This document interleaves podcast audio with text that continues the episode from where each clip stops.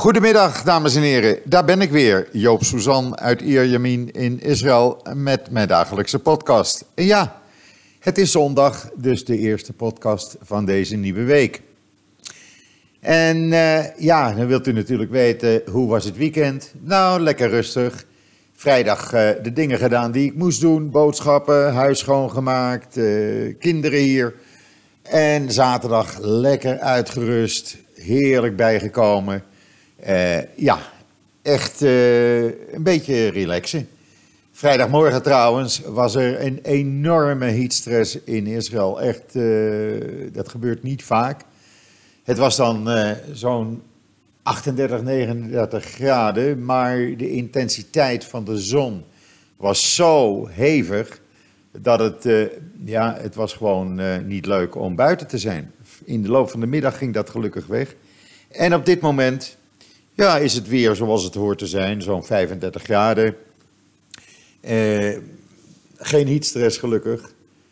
het is wat vochtig, zo rond de 50 procent. En uh, ja, gewoon het lekkere normale zomerweer in Israël, wat voorlopig nog wel even doorgaat. En wat is er gebeurd? Ja, op joods.nl kunt u het bijna allemaal lezen. Het begon gisteravond, of eigenlijk vrijdagavond, toen was er een raketalarm. Nou, dat was niet echt iets bijzonders. Er was wel een raket gelanceerd, maar die kwam ergens in onbewoond gebied, zelfs nog in Gaza terecht. Maar gisteravond, net na het einde van de Shabbat, ging opnieuw het raketalarm op mijn telefoon en bij iedereen af eigenlijk. En werden er drie raketten vanuit Gaza richting Israël ingeschoten. Daarvan uh, werden er twee vernietigd door de Iron Dome. Uh, maar er kwamen wat, uh, wat brokstukken terecht in een tuin in Sederot. En twee mensen licht gewond. Niets iets bijzonders eigenlijk. Maar er waren vier mensen uh, die voor shock behandeld moesten worden. Want ja, het blijft toch schrikken. Ook al uh, gebeurt het daar natuurlijk regelmatig. Maar daarna uh, kreeg de IDF in de gaten dat er vijf, er wordt door sommigen gesproken vier, zwaar bewapende infiltranten uit Gaza richting Israël kwamen. En uh, ja, die zijn meteen uitgeschakeld en die zullen dit ook nooit meer doen. Want die zijn naar de andere wereld geschoten. Hamas doet nou net alsof zij hier niets van afwisten. En zeggen in een verklaring die zojuist naar buiten is gekomen. Dat het opstandige jeugd was. Nou, vergeet het maar. Want in Gaza gebeurt er niets zonder medeweten en zonder toestemming van Hamas. Um, daarna heeft Hamas ook nog een verklaring uh, doen uitgaan waarin ze zeggen hef de restricties op of anders komt er meer terreur en geweld richting Israël. Nou, uh, ze gaan hun gang maar, zou ik zeggen. Het wordt dus tijd dat uh, Netanyahu trouwens gaat doen wat de burgemeester van Sederot uh, zei. Uh, laten we nou eens een keer voor eens en voor altijd een einde maken aan die terreur uit Gaza. En dat er voor goed en altijd met Hamas wordt afgerekend. De regering zegt er niet aan te willen beginnen, want nee, er komen verkiezingen aan op 17 september. En dat kan je niet hebben met doden en gewonden. Dus zal er door de regering eigenlijk niet iets bijzonders worden gebeurd. Dan een interview met ex-premier Ehud Olmert op joods.nl. En die zegt Netanyahu ziet Abbas als vijand en niet uh, Hamas. Hij zegt, want de Israëlische regering onder leiding van Netanyahu beschouwt de Palestijnse autoriteit van Mahmoud Abbas als een gevaarlijke vijand en heeft daarnaast helemaal geen strategie voor Gaza. Uh, Olmert. Hij zegt, de regering van Israël wil Hamas niet bevechten. Uh, ze willen uh, Abu Mazen, dus Abbas, en de Palestijnse autoriteit bevestigen, bevechten. Ze willen de, de Palestijnse leiders in een hoek drukken, want voor hen zijn zij de echte vijand en niet Hamas. Dus Olmert in dit interview wat u kan lezen op uh, joods.nl. Want voegt hij er nog aan toe, Niemand ter wereld eist dat Israël een serieuze politieke dialoog met Hamas aangaat. Maar bijna iedereen ter wereld, alleen op Amerika na, eist dat Israël een politieke dialoog met de Palestijnse leiding aangaat. Netanyahu wil geen vrede en ook niet in contact treden met de uh, Palestijnse leiders. Want dat zou leiden dat hij concessies moet doen en dat wil hij niet. Dus zegt uh, Olmert, voor hem is uh, de Palestijnse leider de gevaarlijke vijand.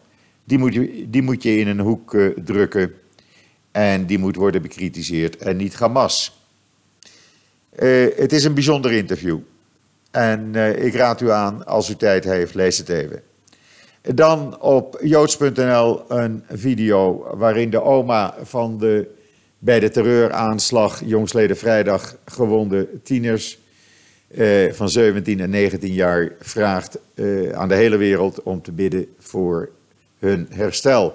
Eh, de jongen van 17 is zeer ernstig gewond, vooral ernstige hoofdwonden, ligt nog op intensive care. Uh, zij stonden bij een bushalte te wachten en werden bewust aangereden door een Palestijn in zijn auto. Heel bijzondere video eigenlijk. En dan een artikel over het uh, ZIF ziekenhuis in Safat. Want zonder dat daar veel rugbaarheid aan wordt gegeven, worden er nog steeds gewonde Syriërs geholpen.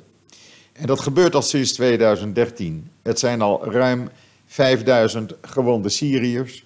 U weet, misschien kunt u zich dat nog herinneren, dat uh, een paar jaar geleden de IDF een veldhospitaal net over de grens in Syrië had uh, neergezet. Dat hebben ze na anderhalf jaar uh, weggehaald. En nog steeds komen er Syriërs bijna dagelijks naar de grens met Israël. Uh, die ernstig gewond zijn en vragen om behandeld te worden in Israël. En die worden dan naar twee ziekenhuizen gebracht. Hoofdzakelijk is dat het ZIF ziekenhuis in Safat en daarnaast ook het uh, ziekenhuis in uh, Naria. Uh, heel bijzonder interview, heel bijzonder verhaal. ook een aanrader om te lezen. En dan Netflix. Op 6 september begint er een miniserie, zes delen, over de legendarische Israëlische spion Eli Cohen. Sasha Baron Cohen, u kent hem ongetwijfeld, die speelt Eli Cohen.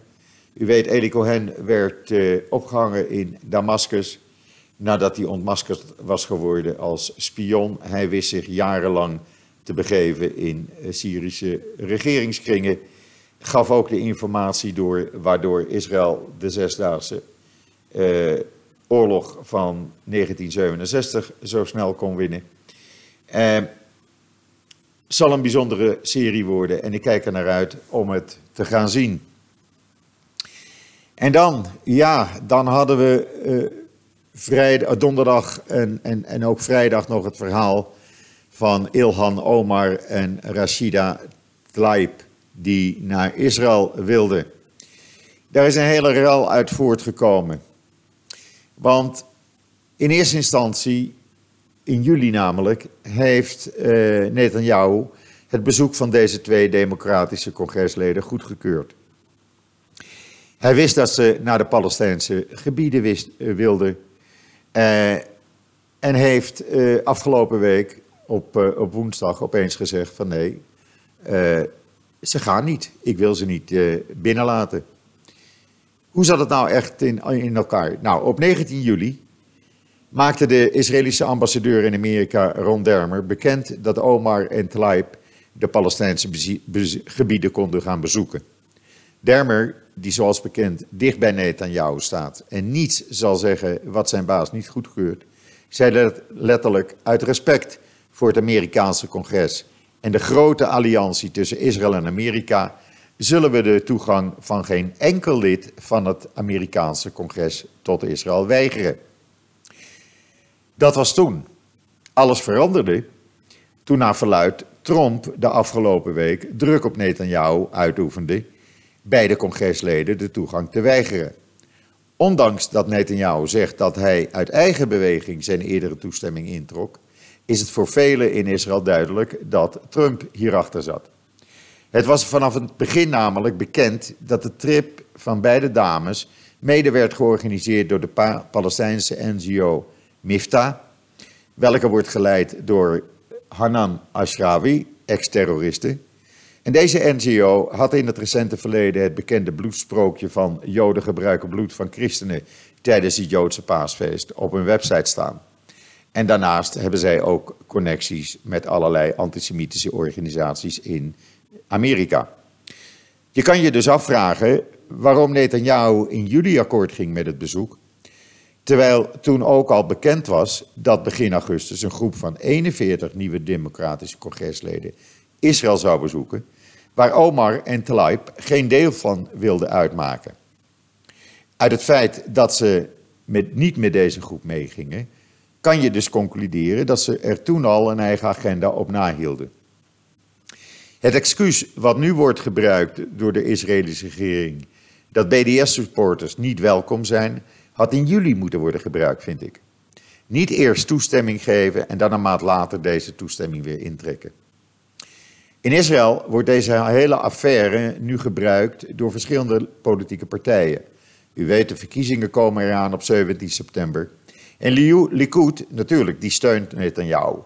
Andere rechtse partijen, waaronder het rechtse blok van Ayelet Shaket, die vinden het besluit uh, ook correct. Blue and White en de linkse partijen en ook de Arabische partijen, die hebben kritiek en zeggen dat de schade die nu is aangericht vele malen groter is dan die wanneer Ami, uh, Omar en Tlaib Israël wel zouden zijn binnengelaten. Ik ben het daarmee eens, want ze gaan nu uh, uh, ja, de zielige kaart spelen. De Israëlische minister van Buitenlandse Zaken, Katz, die maakt het allemaal nog wat ingewikkelder. Want hij zegt, tijdens zijn poging van damage control, zegt hij dat Israëls ambassadeur in Amerika slechts zijn opinie had gegeven in juli. En deze opinie zou zijn gegeven zonder met Netanyahu te overleggen. Nou, gezien het feit dat Dermer heel dicht bij Netanyahu staat en niets doet wat Netanyahu niet aanstaat, wordt deze verklaring door weinigen in Israël geloofd. Ook zegt Katz nu dat de beslissing bij de dames toegang tot Israël te ontzeggen was gemaakt voordat Trump met zijn verzoek kwam. Netanyahu die blijft intussen volhouden dat hij besloot Omar en Tlaib alsnog de toegang te weigeren nadat hij uh, op de hoogte werd gesteld van het reisprogramma. In dit reisprogramma werd de naam Israël niet vermeld, maar wel uh, Amerikaanse delegatie naar Palestina. Nou, dat was al tijdenlang bekend. Israël had vanaf het begin geen toestemming voor een afzonderlijk bezoek moeten geven. Het was namelijk vanaf het begin bekend dat beide dames de BDS steunen, niet vies zijn van wat antisemitische uitspraken en voor zijn, voorstander zijn van een Palestijnse staat die heel het land Israël beslaat. Wat nu is bereikt, is dat Omar en Tlaib al dagen in de positieve publiciteit staan de slachtofferrol spelen. En Israël internationaal weer de Zwarte Piet krijgt toegespeeld. Uh, helemaal nadat Rashida Tlaib de gegeven toestemming om haar grootmoeder te bezoeken, uh, als ze zich zou onthouden van activisten, uh, die, heeft ze, die brief heeft ze bekendgemaakt. En daarna heeft ze aangekondigd niet te zullen gaan om haar grootmoeder te bezoeken. Want, zegt ze, ik word door Israël beperkt in mijn bewegingsvrijheid en vrijheid van meningsuiting. Daarom is ze niet gegaan. Aan de anti-Israëlische standpunten wordt door de internationale media voor het gemak maar even voorbij gegaan. De beide dames worden namelijk nu gezien als slachtoffer van het Israëlisch beleid. En Netanyahu, ja, die heeft opnieuw laten zien op eerdere besluiten terug te komen, zoals dat vaker gebeurt. Of hem dat schade gaat berokkenen tijdens de komende verkiezingen van 17 september, dat weten we pas daarna. Goed, u kunt het allemaal nog eens een keer nalezen op joods.nl. Ondertussen is er ook een rel tussen Ayelet Shaket en Netanyahu. Netanyahu de laatste dagen valt constant Ayelet Shaket aan, die de rechtse alliantie leidt. In plaats van dat hij zorgt dat hij uh, haar als medestander uh, krijgt voor een coalitie, maakt hij een vijand van daar. Maar goed, uh, hij kan wel roepen uh, van alles en nog wat om haar zwart te maken. Het is in Israël een publiek geheim dat Sarah Netanyahu hierachter zit. Want die is, ja, of ze nou jaloers is of, of uh, what, whatever. Uh, zij mag uh, Ayelet Shakert niet en probeert alles te doen om uh, haar man Bibi zoveel mogelijk haar te laten beschadigen. Of dat juist is, nogmaals, de verkiezingen zullen het uitwijzen. De minister van Sociale Zaken Katz is afgetreden. En waarom? Omdat hij wordt vervolgd officieel voor fraude. Dat is dan de derde minister, want minister Deri van Binnenlandse Zaken wordt binnenkort uh, zeer waarschijnlijk aangeklaagd. Netanyahu wacht op zijn hoorzitting op 2 en 3 oktober, waarna daarna een beslissing wordt genomen hem al of niet aan te klagen. En er zijn een uh, stuk of drie, vier Knessetleden die ook al zijn aangeklaagd of worden aangeklaagd. Het gaat lekker rond Netanyahu, zeg ik dan. Diezelfde Netanyahu zegt dat hij niet onder de indruk is van het dreigement uh, van Hezbollah-baas Nasrallah. Die had namelijk gezegd van als Israël het in zijn hoofd haalt uh, Zuid-Libanon binnen te vallen om ons te verslaan, dan zal het uh, defeat, dus het verslaan van het Israëlische leger door ons live op internet worden uitgezonden. En dan Israëls minister van Cultuur, Miri Regev. Echt, ik heb een beetje met het te doen. Ze is totaal de weg kwijt, echt. Ze doet alles om bij Netanyahu in een goed blaadje te komen. Daar is ze al weken, al maanden mee bezig. Want ze hoopt erop dat hij weer eh, minister-president wordt. En dat zij dan misschien wel eh, minister van Buitenlandse Zaken wordt. Of een andere belangrijke post krijgt in plaats van cultuur. Wat heeft ze nu gezegd gisteren op de radio? Ze zegt. God en niet de mensen. Hij is de enige die beslist wie de volgende minister-president wordt. En over Lieberman had ze ook nog wat. Lieberman, die bekend staat als superrechts, die eh, volgens haar is dat helemaal niet waar. De man is superlinks. Nou echt, ze is totaal de weg kwijt. En ik denk dat ze eh, even een pilletje moet nemen, want ja, hier deugt echt niets van. Uh, Jair Netanyahu trouwens, ja, het lijkt een roddelrubriek wel, neemt het me niet kwalijk. Maar Netanyahu heeft een interview gegeven en die zegt over zijn vader, hij is een zwakke man die dwaze dingen doet. Nou, dat weten we dan ook weer. Leuke zoon, om dat zo en plein publiek eventjes te zeggen. En dan de Palestijnen zijn weer kwaad. Ja, er gaat geen dag voorbij, zult u zeggen, of ze zijn weer kwaad. Ja, natuurlijk zijn ze kwaad. En waarom nu weer? Ik zal het u uitleggen. Ze zijn kwaad dat Israël terroristen doodschiet. Die moet je niet doodschieten, die moet je gewoon in leven laten. Nou, dat maken wij zelf wel uit, uh, meneer Abbas. En dan de Palestijnse leiders.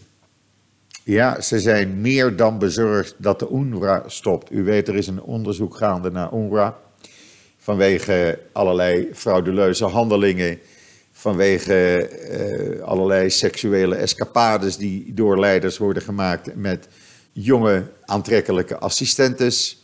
Uh, nou ja, er deugt een heleboel niet bij deze club die bestaat uh, en in leven wordt gehouden om zogenaamd 5 miljoen vluchtelingen van een inkomen te voorzien. waarvan er 20.000 nog naar schatting echte vluchten, Palestijnse vluchtelingen zijn. En de rest is al de vijfde generatie, dus daarvan wordt gezegd dat zijn geen vluchtelingen meer. En ja, nu zijn de Palestijnen uh, bezorgd dat de UNRWA binnenkort wordt opgeheven. En ze zijn ook hevig teleurgesteld in België, Zwitserland en Nederland. Jawel, want Nederland, België en Zwitserland hebben namelijk uh, de contributie, de tientallen miljoenen voor dit jaar aan UNRWA nog niet overgemaakt. En UNRWA heeft dus geen geld meer. En de Palestijnen, ja, die gaan niet zelf uh, deze mensen van, uh, van geld voorzien. Dat doen we niet. Daar, uh, daar moet de internationale gemeenschap maar voor zorgen. Um, dan NL. Ik werd door een van mijn, of een aantal van mijn volgers eigenlijk op Twitter op de hoogte gesteld van een uh, headline van NuNL. En die luidt van Israël schiet vijf gewapende Palestijnen dood. Alsof Israël zomaar die vijf gewapende Palestijnen doodschoot. Er staat verder niets bij waarom. Ik heb daar al naar NuNL op gereageerd, anderen ook, maar die zijn meteen geblokt door NuNL, want je mag schijnbaar bij deze website geen kritiek uitoefenen. Maar het was weer een suggestieve website, uh, headline. En uh, ja, ik, ik hou daar niet van. Of je vertelt de waarheid, en dan moet je maken van dat er eerst drie raketten vanuit Gaza op Israël werden afgeschoten. En kort daarna probeerden vijf zwaar bewapende Palestijnen de grens over te komen. Als je dat ervan maakt, dan ben je juist bezig. En als je het verhaal leest op NuNL, dan is dat maar de helft van de waarheid. En ik heb ook aan NuNL gevraagd van, eh, ga nou eens even de juiste gegevens neerzetten en vertel het juiste verhaal. Goed, ik zal wel zien wanneer ik geblokt uh, word. Ik laat het u weten. Trouwens, de foto die bij dat artikel staat, heeft niets met Gaza te maken, maar is een foto van uh, de Westbank. Dan, uh, ja, wat velen in Israël tegen het hart stuit. Mij ook trouwens. ik heb het er al eerder over gehad. Er zijn hier honderden Filipijnse ja, verzorgers van ouderen. die na hun afloop van hun contract illegaal in Israël zijn gebleven.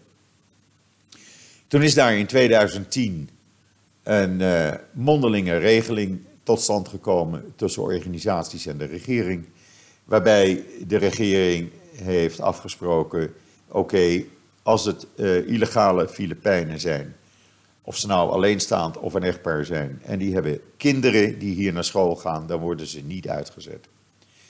Maar wat is er nu aan de hand? Meneer Derry wil laten zien voor de verkiezingen dat hij met stevige hand uh, binnenlandse zaken bestuurt. En uh, die is begonnen nu uh, Filipijnen met hier geboren kinderen die nog nooit in, in de Filipijnen zijn geweest, het land uit te zetten. Die kinderen spreken de taal niet, die kinderen kennen de gewoontes niet, die zijn opgegroeid in Israël. Uh, nu is er weer een echtpaar gepakt waarvan de kinderen 10 en 13 jaar oud zijn. Die wonen al 20 jaar illegaal hier. Dan zult u zeggen, ja oké, dat hoort niet. Nee, ben ik ook met u eens. Als je illegaal bent, dan loop je dat risico. Maar ik denk, en met velen met mij in Israël namelijk, dat ze nu de Filipijnen aanpakken, omdat dat makkelijker is dan de 35.000 illegalen uh, die in Zuid-Tel Aviv zitten en uit Afrikaanse landen afkomstig zijn. Die kunnen ze namelijk niet uitzetten. Waarom niet? Omdat die Afrikaanse landen deze mensen niet terug wil. Dus er is geen land waar ze naartoe uh, gebracht kunnen worden. Terwijl deze Filipijnen, ja, Netanyahu heeft met uh, de Filipijnse leiders een afspraak gemaakt en ze gaan gewoon naar de Filipijnen terug. Ze hebben ook Filipijnse papieren namelijk. Ja, het stuit mij ook tegen de borst. Dat moet ik weer zeggen. Ik vind het een beetje cru. Eh, als het nou mensen zonder kinderen zijn, dan zeg ik oké, okay, zwa, doe het. Maar met jonge kinderen, nee. Laat ze lekker hier in Israël zitten. Die paar extra, die kunnen we er nog wel bij hebben. En dan, eh, ja, eh, het lijkt Amsterdam wel. Maar ook in Londen willen duizenden mensen geen nationaal holocaustmonument. En de burgemeester van Londen, die wil dat wel. En die zegt, het moet worden gebouwd. Ik wil dat het ook gebouwd gaat worden. En die bezwaarmakers, die moeten hun mond houden. Nou, eh, we weten, het is een moslimburgemeester en ik kan dit waarderen van hem. En dan nog even dit. De grootmoeder van Rashida Tlaib vervloekt Trump en wenst dat hij een ruïne wordt en alles om hem heen een ruïne wordt. Omdat hij haar kleindochter de kans ontnam haar te bezoeken. Nou, zo ziet u maar. Uh, ik wist niet dat die grootmoeder, daar ziet ze ook niet naar uit, Twitter wist te vinden. Het schijnt dat daar een organisatie achter zit, want vanmorgen, en dat is gisteren eigenlijk al begonnen, stroomt Twitter over van allerlei foto's van grootmoeders van Amerikanen die op de Westbank wonen. Dus daar zit een hele organisatie achter. Goed, ja, dan, uh, dan hebben we de podcast alweer uh, erop zitten voor vandaag. Uh, hou vooral JoodsNL in de gaten, want er komt nog veel meer nieuws de komende uren op. het mag dan wel komkommertijd zijn, maar in Israël gaat het gewoon allemaal door. Oh ja, nog even dit, dat wou ik u zeggen. even aan te tonen dat Israël niet buiten Arabische werkers kan. Het is al vaker gebeurd, maar wat is er nu gebeurd? U weet, er was een islamitisch uh, feest de afgelopen week. Dat heeft de hele week geduurd. En de consequentie daarvan is dat Palestijnse arbeiders of Arabische arbeiders niet hebben gewerkt in uh, bijvoorbeeld de fabrieken waar de kippen worden geslacht of het vlees wordt uitgebeend. Met als resultaat dat de meeste supermarkten in Israël geen, uh, geen kip hebben. En maar heel weinig vlees in hun vitrines. Ik kwam vanmorgen bij de supermarkt en ik zeg: hé, hey, waar is de kip? Ja, die hebben we niet. Uh, uh, de moslims waren op vakantie. U ziet maar, ook dat is Israël. En we kunnen echt niet hier buiten de inbreng van al Arabische werkers. En of dat nou Israëlische Arabieren zijn, of het zijn uh, uh, werkers uit de Palestijnse gebieden die hier werken, zo'n 130.000 per dag. Uh, we kunnen er niet buiten en we hebben ze dringend nodig. Zo ziet u maar dat alles wat in de politiek plaatsvindt op de grond heel anders werkt in het dagelijks leven. Maar goed, ik had gelukkig nog wat kip ingeslagen, dus ik heb daar geen last van. Dus dat wou ik u nog even meegeven. Goed, dan was dit de, de podcast voor vandaag. Ik ben nog binnen de 30 minuten gebleven. Uh, heeft u vragen? Heeft u opmerkingen? Heeft u ideetjes voor joods.nl? Laat het ons weten. Kan heel makkelijk met het contactformulier op uh, de website joods.nl. En uh, wie weet, uh, komt uw idee of uw artikel, gaan we dat gebruiken in de website. Rest mij u nog een hele fijne voortzetting van deze zondag, de 18e augustus, toe te wensen. En wat mij betreft zeg ik zoals iedere dag, tot ziens, tot morgen.